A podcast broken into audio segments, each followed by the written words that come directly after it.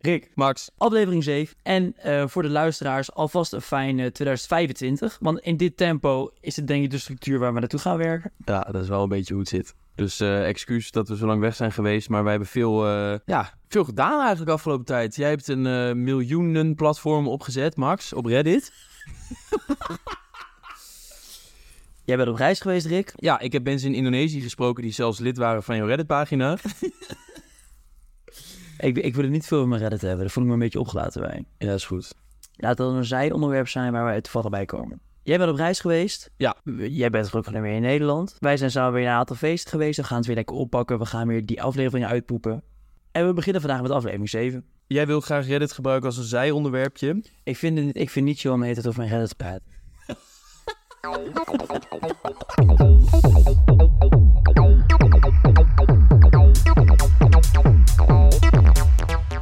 Nee, oké. We komen- Max, we komen straks terug op jouw Reddit-pagina. Ehm, we hebben een paar hoofdonderwerpen die we vandaag aan willen stippen. En een van de eerste daarvan is dat wij vorige aflevering 6... Wat is er nou? Ik moet niet Je spreekt in die microfoon alsof jij de, men alsof jij de menigte toespreekt. Alsof je een politieke partij hebt. We, we, we willen even een paar onderwerpen bespreken. Levensraam.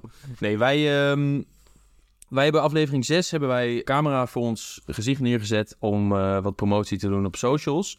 Dat is op zich goed gevallen. We hebben een paar reacties van mensen gehad op Instagram die zeiden... hey, ik zag jullie filmpje op TikTok. Wat leuk dat ik op jullie pagina ben uitgekomen, want leuke podcast, bla bla bla. Leuk dat wij nu ook de 13-jarigen onder ons kunnen bereiken. Ja, hartstikke leuk. Maar ehm, er waren ook een paar azijnpissers die hebben eh, gereageerd op onze filmpjes.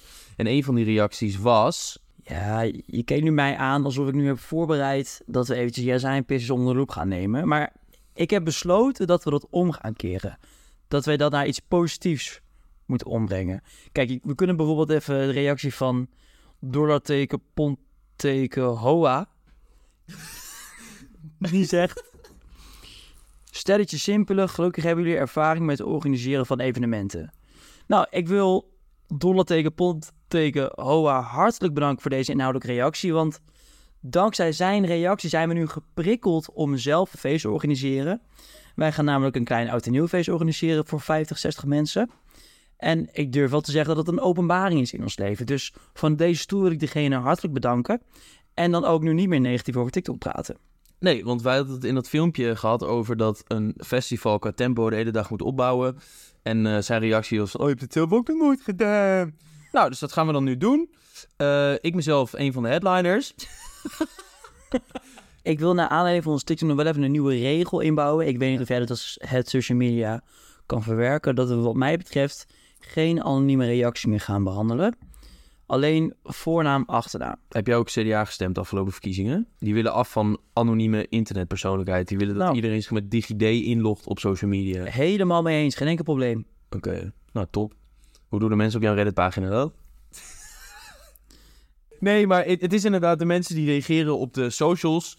Ehm, ja, dat, dat eh, geeft leuke discussie, wakkert wat aan. En ehm, nou ja, nu zijn we eigenlijk hier. Goed, we zijn onlangs naar een paar leuke feesten geweest waar we het even over willen hebben. Laten we vandaag een beetje een lichtere aflevering doen. De vorige keer hebben we wat serieuzere onderwerpen behandeld. Ja, dat lijkt me goed. We zijn naar Ben Sims geweest. Een kale vent van in de 70. Ja. Als je hem ziet, dan zou je ook kunnen zeggen dat hij een lokale bestuurder is van de BBB-vereniging. Vervolgens draait hij die hele zaal plat. Leuk om even te bespreken.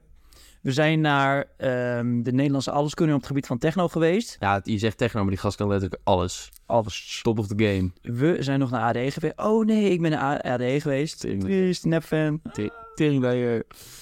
Heb jij verder nog nieuws? Geen nieuws. Ik wou eigenlijk even terugblikken op ons Ben Sims feestje. Dat was namelijk in onze hometown Zwolle, in Hedel. En dat is van origine een popzaal. En ehm, je merkte wel echt dat de locatie niet helemaal geschikt was voor zijn muziek. Want wat je zegt, Ben die draaide de hele zaal plat. Maar hij stond wel op een verhoging van drie meter. Wat toch wel een beetje voor afstand eh, zorgde. Ik weet niet hoe jij dat hebt ervaren. Kijk, je moet begrijpen dat die Ben Sims echt top of the game is in zijn muziekgenre. En volgens mij komt hij vervolgens opdraven bij Hedon. Het is een beetje vergelijkbaar met Tiger Woods die bij de Mitchell Golfbaan aan komt zetten. Bij Wietem. Ik vind hem meer een DJ dan bijvoorbeeld een Enrico Sangiano of een Charlotte de Witte. Want je ziet dat hij echt aan het werk is. Hij is continu op zoek naar ritmes. En een van zijn andere sets die ik echt ongelooflijk magistraal vind.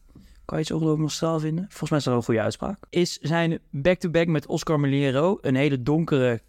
Nou, het is geen donkere, een hele donker klinkende Spanjaard. In die set presenteert Ben zich een beetje als het sneeuwwitje van het Disney-verhaal. En Oscar is meer Dark Vader. En gecombineerd creëren ze echt een uniek geluid. En bovendien, bovenaan de reacties bij de volgende YouTube-video staat... This is probably the best four hours of techno I've ever heard. And I've heard some. Nou, dan weet je dus sowieso dat het heel goed is.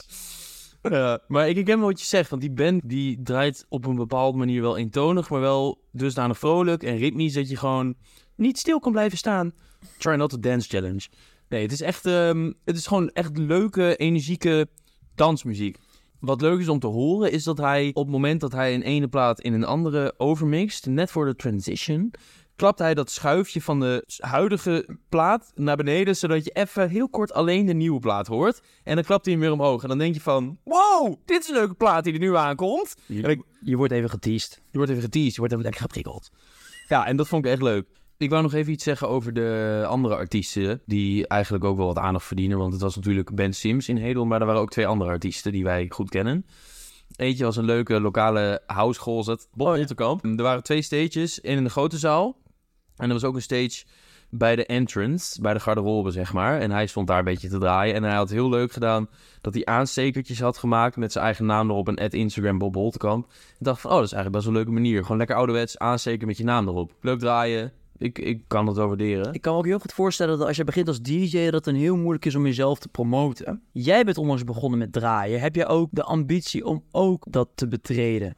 Nou, het is leuk dat je dat vraagt. Toen ik net terugkwam uit Indonesië, toen hebben twee vrienden van mijn vriendin een feest gegeven omdat ze allebei 25 werden. Ehm, en die hadden mij benaderd van, hey Rick, wil je dat draaien? Ik had gezegd, ja, tuurlijk, fucking leuk. Er kwamen volgens mij iets van 100 man of zo op dat feest. Dus ik dacht van, nou, een hele mooie eerste gig. Toen had ik wel eh, dat ik dacht van, wow, dat is wel echt vet. Maar hoe zorg ik er nou voor dat ik vaker op feestjes mag draaien?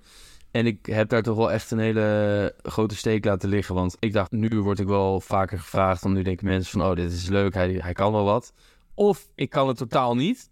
Of ik had iets meer op die aanstekertjes met mijn naam erop moeten inzetten. Want sindsdien eh, heb ik nog, nog maar voor één feest geboekt en dat is mijn eigen.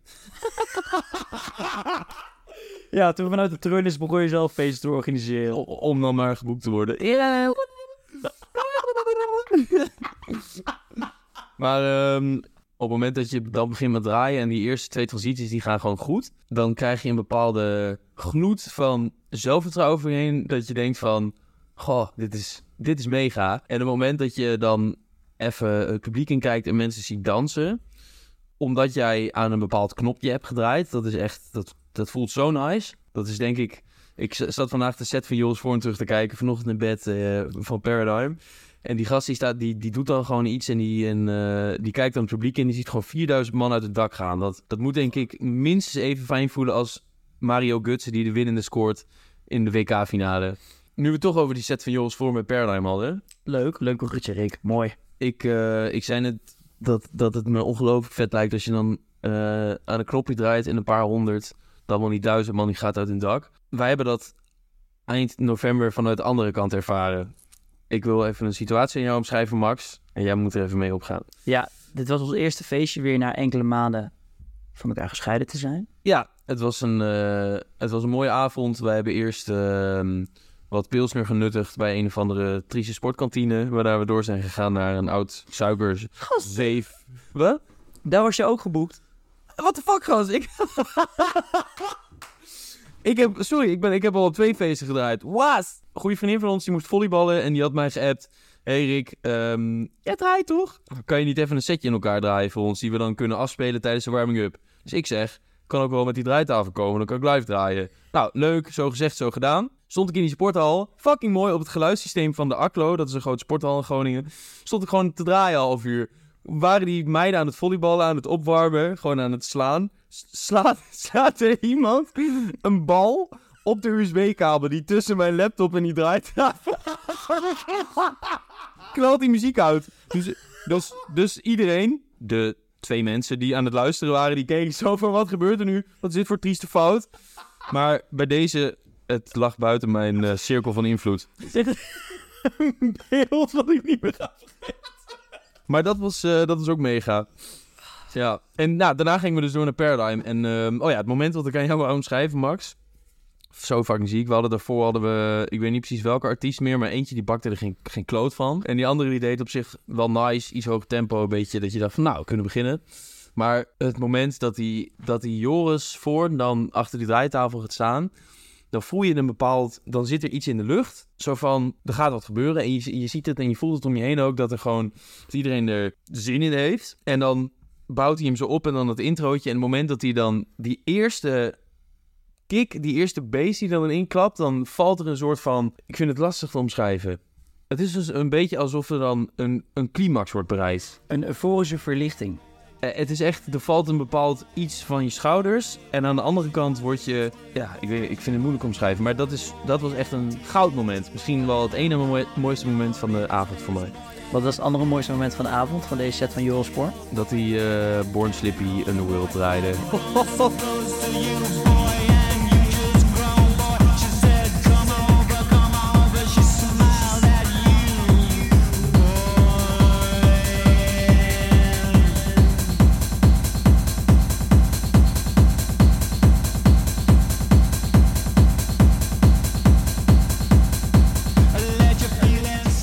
Allermooiste van die Joris Voorn is dat hij zich zo ongelooflijk aanpast aan een situatie.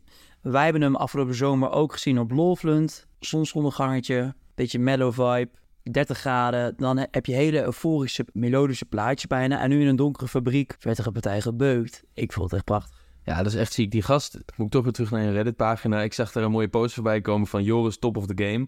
Die gast die kan ook letterlijk alles. Hij draait op strafwerk een supergoeie funky house set als afsluiter. Hij sluit de gas, gashouder af op 140, 145 bpm knallers. Nou, dan draait hij op zo'n Loveland gewoon een melodisch eh, een U2 remixje. Nou, klapt hij hier bij Paradigm weer eh, die pilaren gewoon plat. Dus ik vind het zo goud dat die gast gewoon... Het is echt een alleskunner. En ik vind het ook mooi dat hij een enigszins rustige slash semi-lullige uitstraling heeft. En dat hij dan zo ongelofelijke betonkraker van een plaat uitpoept. Volgens mij heeft dat in een interview, die eh, DVS One heeft dat een keer vergeleken. Je hebt artiesten, dat zijn entertainers. En je hebt artiesten, dat zijn echt puur zang artiesten. Gewoon echt een, een vakman. En ik vind, eh, als ik nu een entertainer mag aanhalen, zou ik bijvoorbeeld zeggen... Patrick Mason, Ja, die gast, die, dat is echt een entertainer. Daar ga je wie hele... is dat? Ja, dat is die gast die altijd zo heel excentriek danst op het podium achter zijn achter zijn draaitafel. Dat is gewoon een halve dansshow. Of bijvoorbeeld die Deborah de Luca. Dat is gewoon een eh, beetje een, zo'n, zo'n... Een mooie vrouw. Nou, we moeten nu niet weer over mensen hun uiterlijk gaan hebben. Daar vorige keer commentaar op gekregen. Ehm, Maar dat is wel haar belangrijkste kwaliteit als DJ. ja, maar dat is echt een entertainer. En ik vind bijvoorbeeld zo'n Joris Voorn, dat is echt een artiest. Eh, hij heeft dan een zwart shirtje aan, waar aan de voorkant on en aan de achterkant off op staat. En dan springt hij op die DJ-boot en dan doet hij twee hele houterige dansmoves en dan eh druipt hij weer af. Maar die gast die kan gewoon... Dat is echt gewoon vakinhoudelijk zo'n meester. Ik vind dat, ik vind dat echt prachtig om te zien. Goed, Rick. Ik wil even terugkomen op iets wat je eerder hebt gezegd. Namelijk over het feit dat je een verlossing voelt door Joris voor die eerste kick die het horen in Paradigm. Kijk, inderdaad bij Paradigm of op een festival als Awakenings word je naar binnenkomst even zachtjes gekneed. Even rustig met olie gesmeerd, lekker opgewarmd voordat je los kan gaan op de dansvloer. Ik was dus met ADE afgelopen jaar naar Radion. En nou, om even in die analogie te blijven, dat is net alsof je meteen door een Thaise masseuse wordt gekraakt en daarna in een ijzerbad gaat. Het is donker, warm, je ziet weinig. Het is wat mij betreft echt de allerluiste club in Amsterdam. Dus die club heeft puur de focus op de muziek. En ik was die avond daar aanwezig, de zaterdagavond, voor Freddie K. Deze man die draait puur vinyl.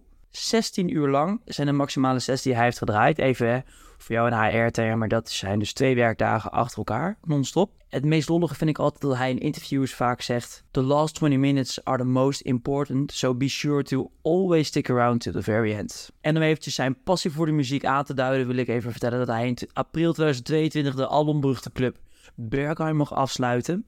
En hij begon om twee uur s'nachts en moest stoppen om acht uur s ochtends. Zes uur lang draaien met vinyl, hard werken. Dan zou je denken, nou, dat zou wel enigszins verzadigd zijn. Echter was hij hierdoor zo geïrriteerd dat hij zo vroeg moest stoppen dat hij eigenhandig Suicide Circus, opnieuw een bekende club in Berlijn, waar ik helaas persoonlijk ook ben afgewezen, anyway, had afgehuurd om een afterparty te geven waar hij tot diep in de middag bleef doordraaien. Dus dit is echt een totale muziekgek. Je zit drift naar jezelf te wijzen. Ben jij ook afgewezen bij Suicide Circus? Nee, ik ben eh, bij Suicide Circus ben ik binnengekomen. Ik heb het expres niet geprobeerd bij Burger aan die avond, omdat ik in de waan wou blijven van wel toegelaten worden. Maar dat is een mooi clubje. Leuk dat hij die eh, tot 's middags heeft afgebroken. Ik kan me herinneren dat jij vorige keer zei dat Freddie Gay een ongelofelijke vinger in de pap heeft in de techno scene.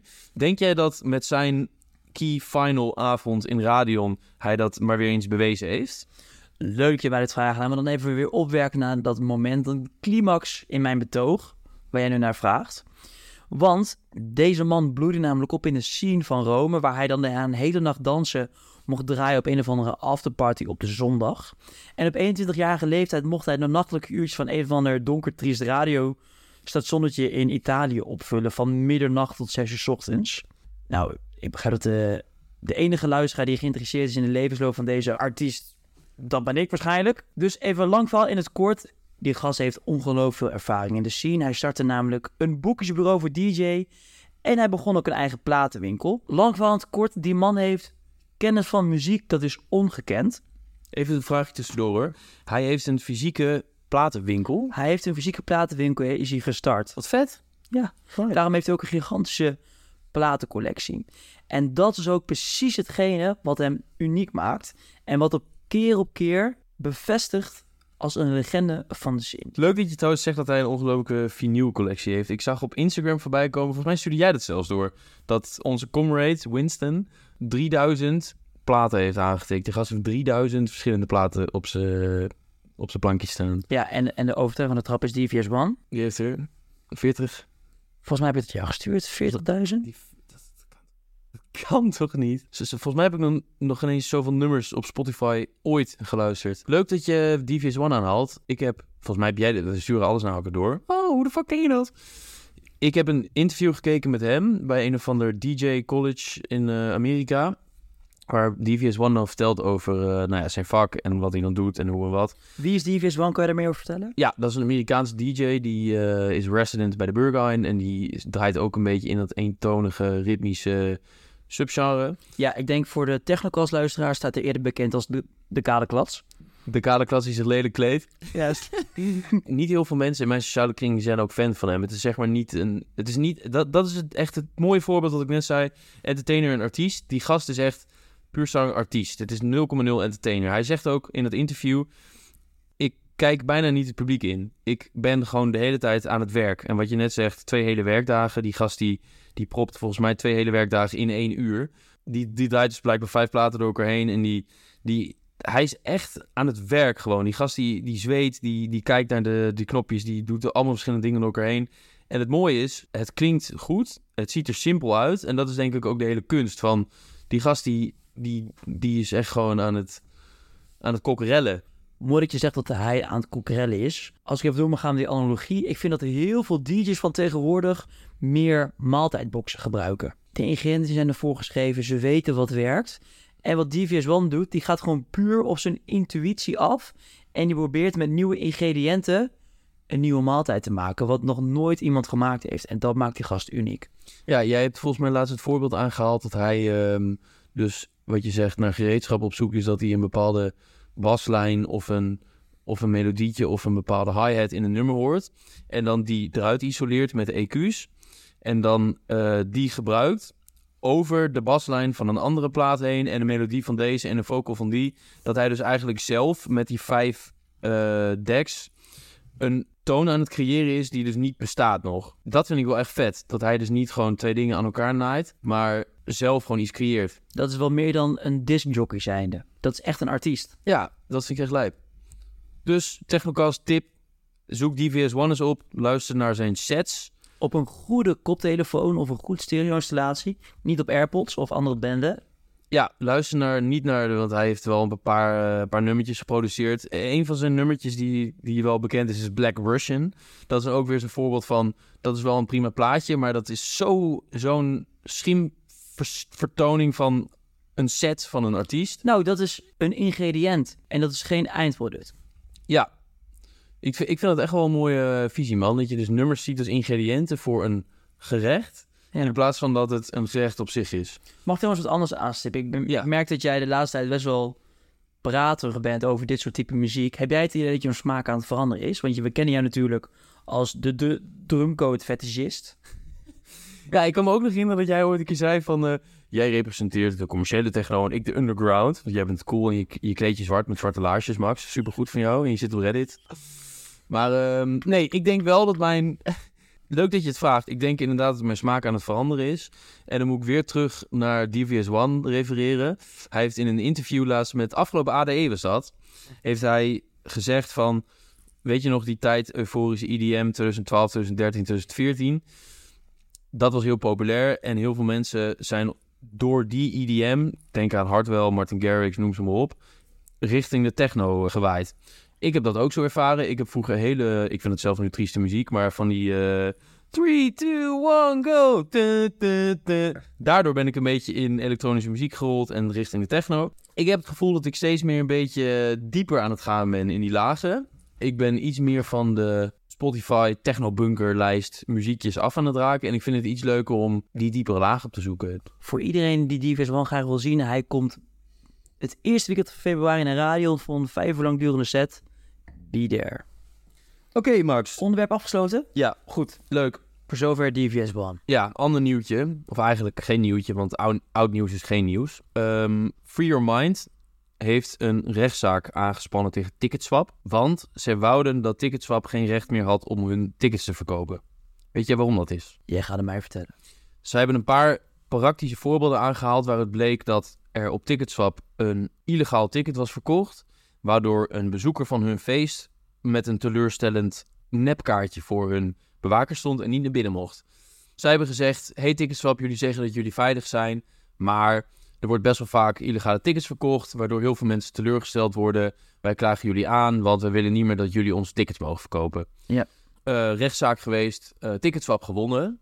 Want bleek dus nou dat Free Your Mind actief de keuze heeft gemaakt om geen gebruik te maken van Secure Swap. Dat is een optie in Ticketswap dat jij je barcode op je ticket digitaal laat vernietigen en dat de koper een compleet nieuwe barcode krijgt. Waardoor dus niet de verkoper van het ticket stiekem toch nog naar het festival kan gaan. En dat die dus als de koper van het ticket inscant, dat er staat je bent al binnen. Free Your Mind is dus gekozen om daar geen gebruik van te maken. En toen heeft de rechter, de rechter gezegd, hey, ja, jullie hebben in principe geen recht van spreken, want je hebt dit niet gedaan je hebt dat niet gedaan. Dus Ticketswap heeft gewonnen en je mag gewoon die kaarten blijven verkopen. Maar ik hoor vanuit andere hoeken meer geluiden dat festivalorganisaties eigenlijk een graf tyfushekel hebben aan Ticketswap. Heb jij dat ook gehoord? Ik heb dit inderdaad vernomen in een podcast. In onze grootste concurrent, durf ik wel te zeggen. De Machine van de NPO. Wat ook een beetje over de alternatieve muziek zien gaan. Waarin wij ook actief zijn. Ja. Zij waren namelijk de directeur van een bekend Nederlands technofestival aan het interviewen. Namelijk, moet je me even helpen met de naam.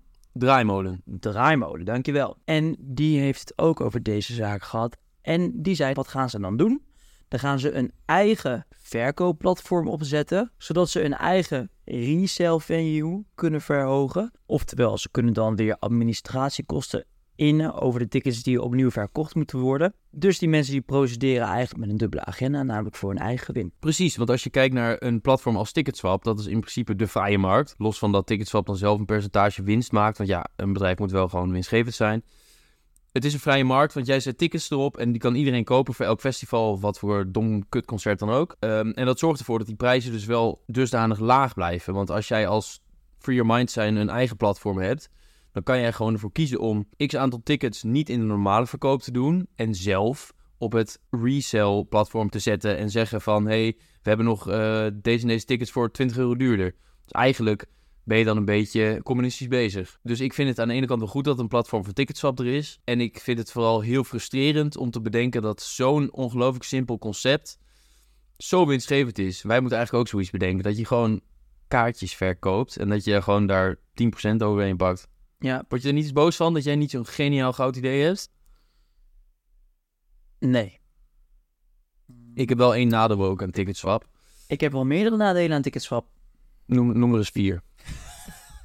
Eén is, je kan maar 20% winst maken als je een kaartje hebt voor een zeer gewild feest. Ik vind dat een goede zaak, Max. Ik ken een paar mensen in mijn sociale kring die als zij een ticket kopen voor een feest waarvan ze weten dat die uitverkoopt, dat ze er niet één kopen, maar tien. In de wetenschap dat ze er nog negen kunnen doorverkopen met winst. Nou ja, als je daar een plafond op zet, dan demotiveert dat wel om dat te doen. Ik vind dat een goede zaak, want ik vind dat zo triest als mensen winst maken over het genot van andere mensen heen op dit gebied. Ja, je kijkt me nu wel heel, heel erg streng aan, maar ik was er ook zo een. Hoe, hoe, hoe hou je dat in je hoofd om te doen? Omdat het een ongelooflijk makkelijke manier was om geld te verdienen. Je weet dat ieder jaar Awakenings nieuw dat het uitverkoopt. Toen ik 2021 was, kocht ik er gewoon 13. En zet ik ze alle 13 op Ticketswap twee dagen voor oud en nieuw. Pakte je 200 euro. Met niks. Ik kan echt boos worden dat je dat Meen dat? Ja, meen ik echt. Meen ik echt. Dat is gewoon... Stel je voor dat een van je beste vrienden naar een feestje wil, wat uitverkocht is, Ja, en dat hij een ticket koopt voor 30 euro duurder, en het is uitverkocht omdat mensen zoals jij 13 tickets kopen, daardoor is het uitverkocht. ja, En hij betaalt 20 euro meer, omdat mensen zoals jij die winst pakken. ja. Dat is toch triest? Hoe ik me dan in die situatie zou verplaatsen is, je gaat met een groep van acht jongens naar Awakenings. Eén iemand besluit om op het laatste moment mee te gaan. Is 30 euro duurder, dan zeg je met z'n achter, oké, laten we dat geld dan splitten en betaal jij het eerste drankje. En dan heb ik mijn geld verdiend. En dan is diegene mee naar Awakenings. En dat is mijn manier om het goed te praten hoe ik over de rug van anderen geld verdien. Wacht, dat is een idealistische eh, idee, maar heb je dat ooit zo aangepakt? Dat jij met z'n allen dan het eerste drankje betaalt en bla bla Nee, bla. nee. Maar voor de duidelijkheid, ik doe dat nu niet meer. En mede omdat Ticketswap dus inderdaad die maximale 20% op de heeft doorgevoerd met de administratiekosten. Dus, Dus. Dus het, dus het werkt wel. Mooi. Goed. Ander nadeel van Ticketswap. Je kan dus een premium account nemen zodat je snel tickets kan kapen. In plaats van dat je thuis de hele tijd op F5 moet drukken om een ticket binnen te werken. Dat vind ik wel triest. Dat is inderdaad eigenlijk gewoon exact hetzelfde als wat ik heb gedaan. Maar nu hebben zij gezegd, oh wat gemeen, dat mag niet. Draai ze het om, doen ze het zelf. Ik zie je ook heel boos worden. Dat is toch belachelijk?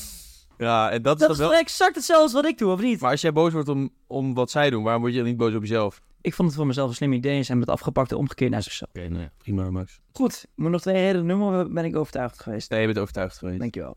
Ehm Rick, Ja, waar kijk jij het meest naar uit volgend jaar? leuk dat je dit vraagt. Wij kregen een berichtje van een volger. We kennen hem niet persoonlijk, maar hij is heel actief betrokken bij ons account. Hartstikke leuk, bedankt daarvoor. Eh die stuurde ons een berichtje. hey jongens, ik heb een primeurtje voor jullie. Hij was namelijk naar Rotterdam Reef. En hij sprak in de food area, sprak hij alignment. Is het een primeurtje? Dit is een primeurtje. Oké. hij sprak alignment en hij zegt van, joh, je bent een mooie kerel, want het is natuurlijk ook. Eh, maar wanneer komt Malfunction nou een keer online? Want dat is een plaat die heeft hij al gedraaid in zijn ADE-set in 2022, dat is inmiddels bijna anderhalf jaar geleden. En dat ding is nog steeds niet gereleased. En hij, die gast, die volger, die vraagt eh, van, joh, wanneer komt de plaatje nou online? En die alignment die zegt, dat is aankomende januari. Dus, om op je vraag terug te komen, ik heb heel veel zin in dat Malfunction wordt gereleased aankomende januari. Mooi specifiek punt. Ehm, waar ik het meest naar uitkijk is hoe eigenlijk de technoscene Amsterdam zich gaat ontpoppen. Nu de belangrijkste club van de stad, namelijk de school, toch een, een een boegbeeld van de stad op het gebied van techno gaat sluiten. En op muzikaal gebied kijk ik er meest naar uit dat enkele Nederlandse artiesten, die zich de laatste tijd tot zegt ontpoppen tot bekendere artiesten. Nou, bijvoorbeeld Lobster, een artiest die wij eerder hebben besproken in aflevering 1. Die heeft afgelopen jaar dus zijn debuut gemaakt op Awakenings. Ik hoop dat dat soort jongens echt de grote stap gaan maken, zodat ze bijvoorbeeld ook een Awakenings kunnen gaan afsluiten. Hartstikke leuk. Awakenings heeft afgelopen zomer dus... Gaan we het toch nog over Awakenings hebben aan het eind van de aflevering? Awakenings heeft afgelopen zomer 25 nieuwe namen laten spelen. Ja, dat is top. Ik hoop dat ze daarmee door blijven gaan en dat we zo nieuwe stromen artiesten gaan toenemen. En waar ik het meest naar uitkijk is dat jij als DJ meer kicks gaat krijgen. Ja, lief van jou. Ik, eh, ik ben inderdaad ook erg te spreken over die Lobster de laatste tijd. Ik, we volgen hem op Instagram en hij is eh, hij had laatst een Zuid-Amerika-tour. Fucking vet. En ehm, ik luister ook eh, zijn setjes zoals bijvoorbeeld die 909 sets van hem van afgelopen jaar... waarin hij dan even de bells van Jeff Mills er doorheen klapt. Nou, dat is gewoon een lekker setje. Nou, ik wil ook even terugblikken op afgelopen jaar. Ik had het net over de release van uh, Alignment, die in januari daarna komt, Malfunction. Maar afgelopen tijd zijn er ook heel veel goede platen gereleased. Um, en een daarvan is van een van mijn favoriete artiesten. Dat is uh, Mees Salome. Die hebben we al eerder besproken in aflevering 2 of 3. Ja, Mees is natuurlijk echt een topper. En die heeft een tijdje niks van zich laten horen op het gebied van uh, producties. Maar hij is nu echt... Uh, het is een beetje een pijlenboog die een stukje wordt teruggetrokken. Om vervolgens uh, een Engelsman in de middeleeuwen door zijn schedel heen te spiezen. En nou, die pijl die is nu snelheid aan het maken. Hij heeft de afgelopen paar weken drie singles gereleased die samen het EP Again. En die Again, het is echt een hele fijne, melodische, wat, wat betekent melancholisch? Hoe heet het stofje als je gaat slapen? Melatonine? Melatonine. M is dat een woord? het is in ieder geval een hele fijne zwevert. En uh, ik, ik wou dus even laten horen aan jullie, want ik vind het echt een topplaatje.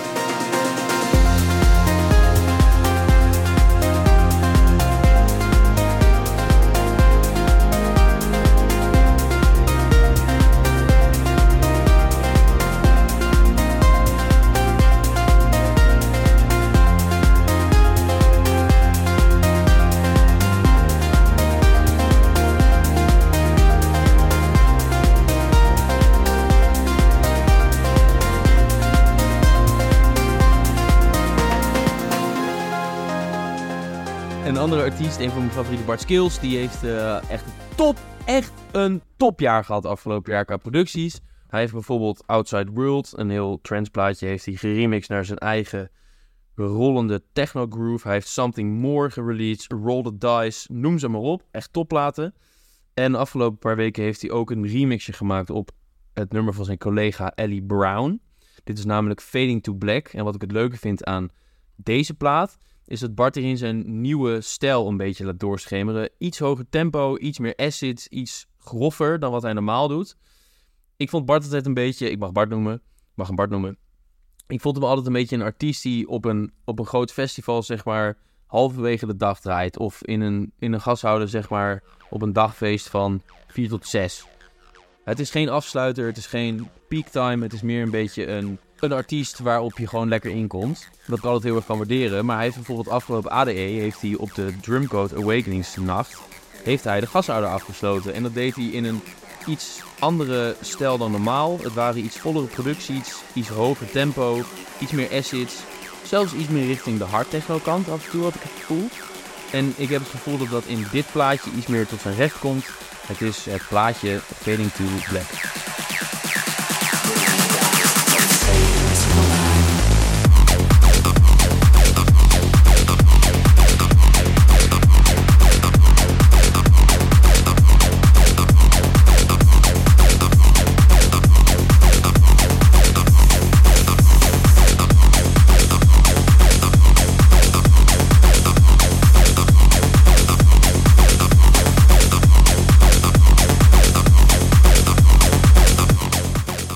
Toon gaan we eruit tot de aflevering af.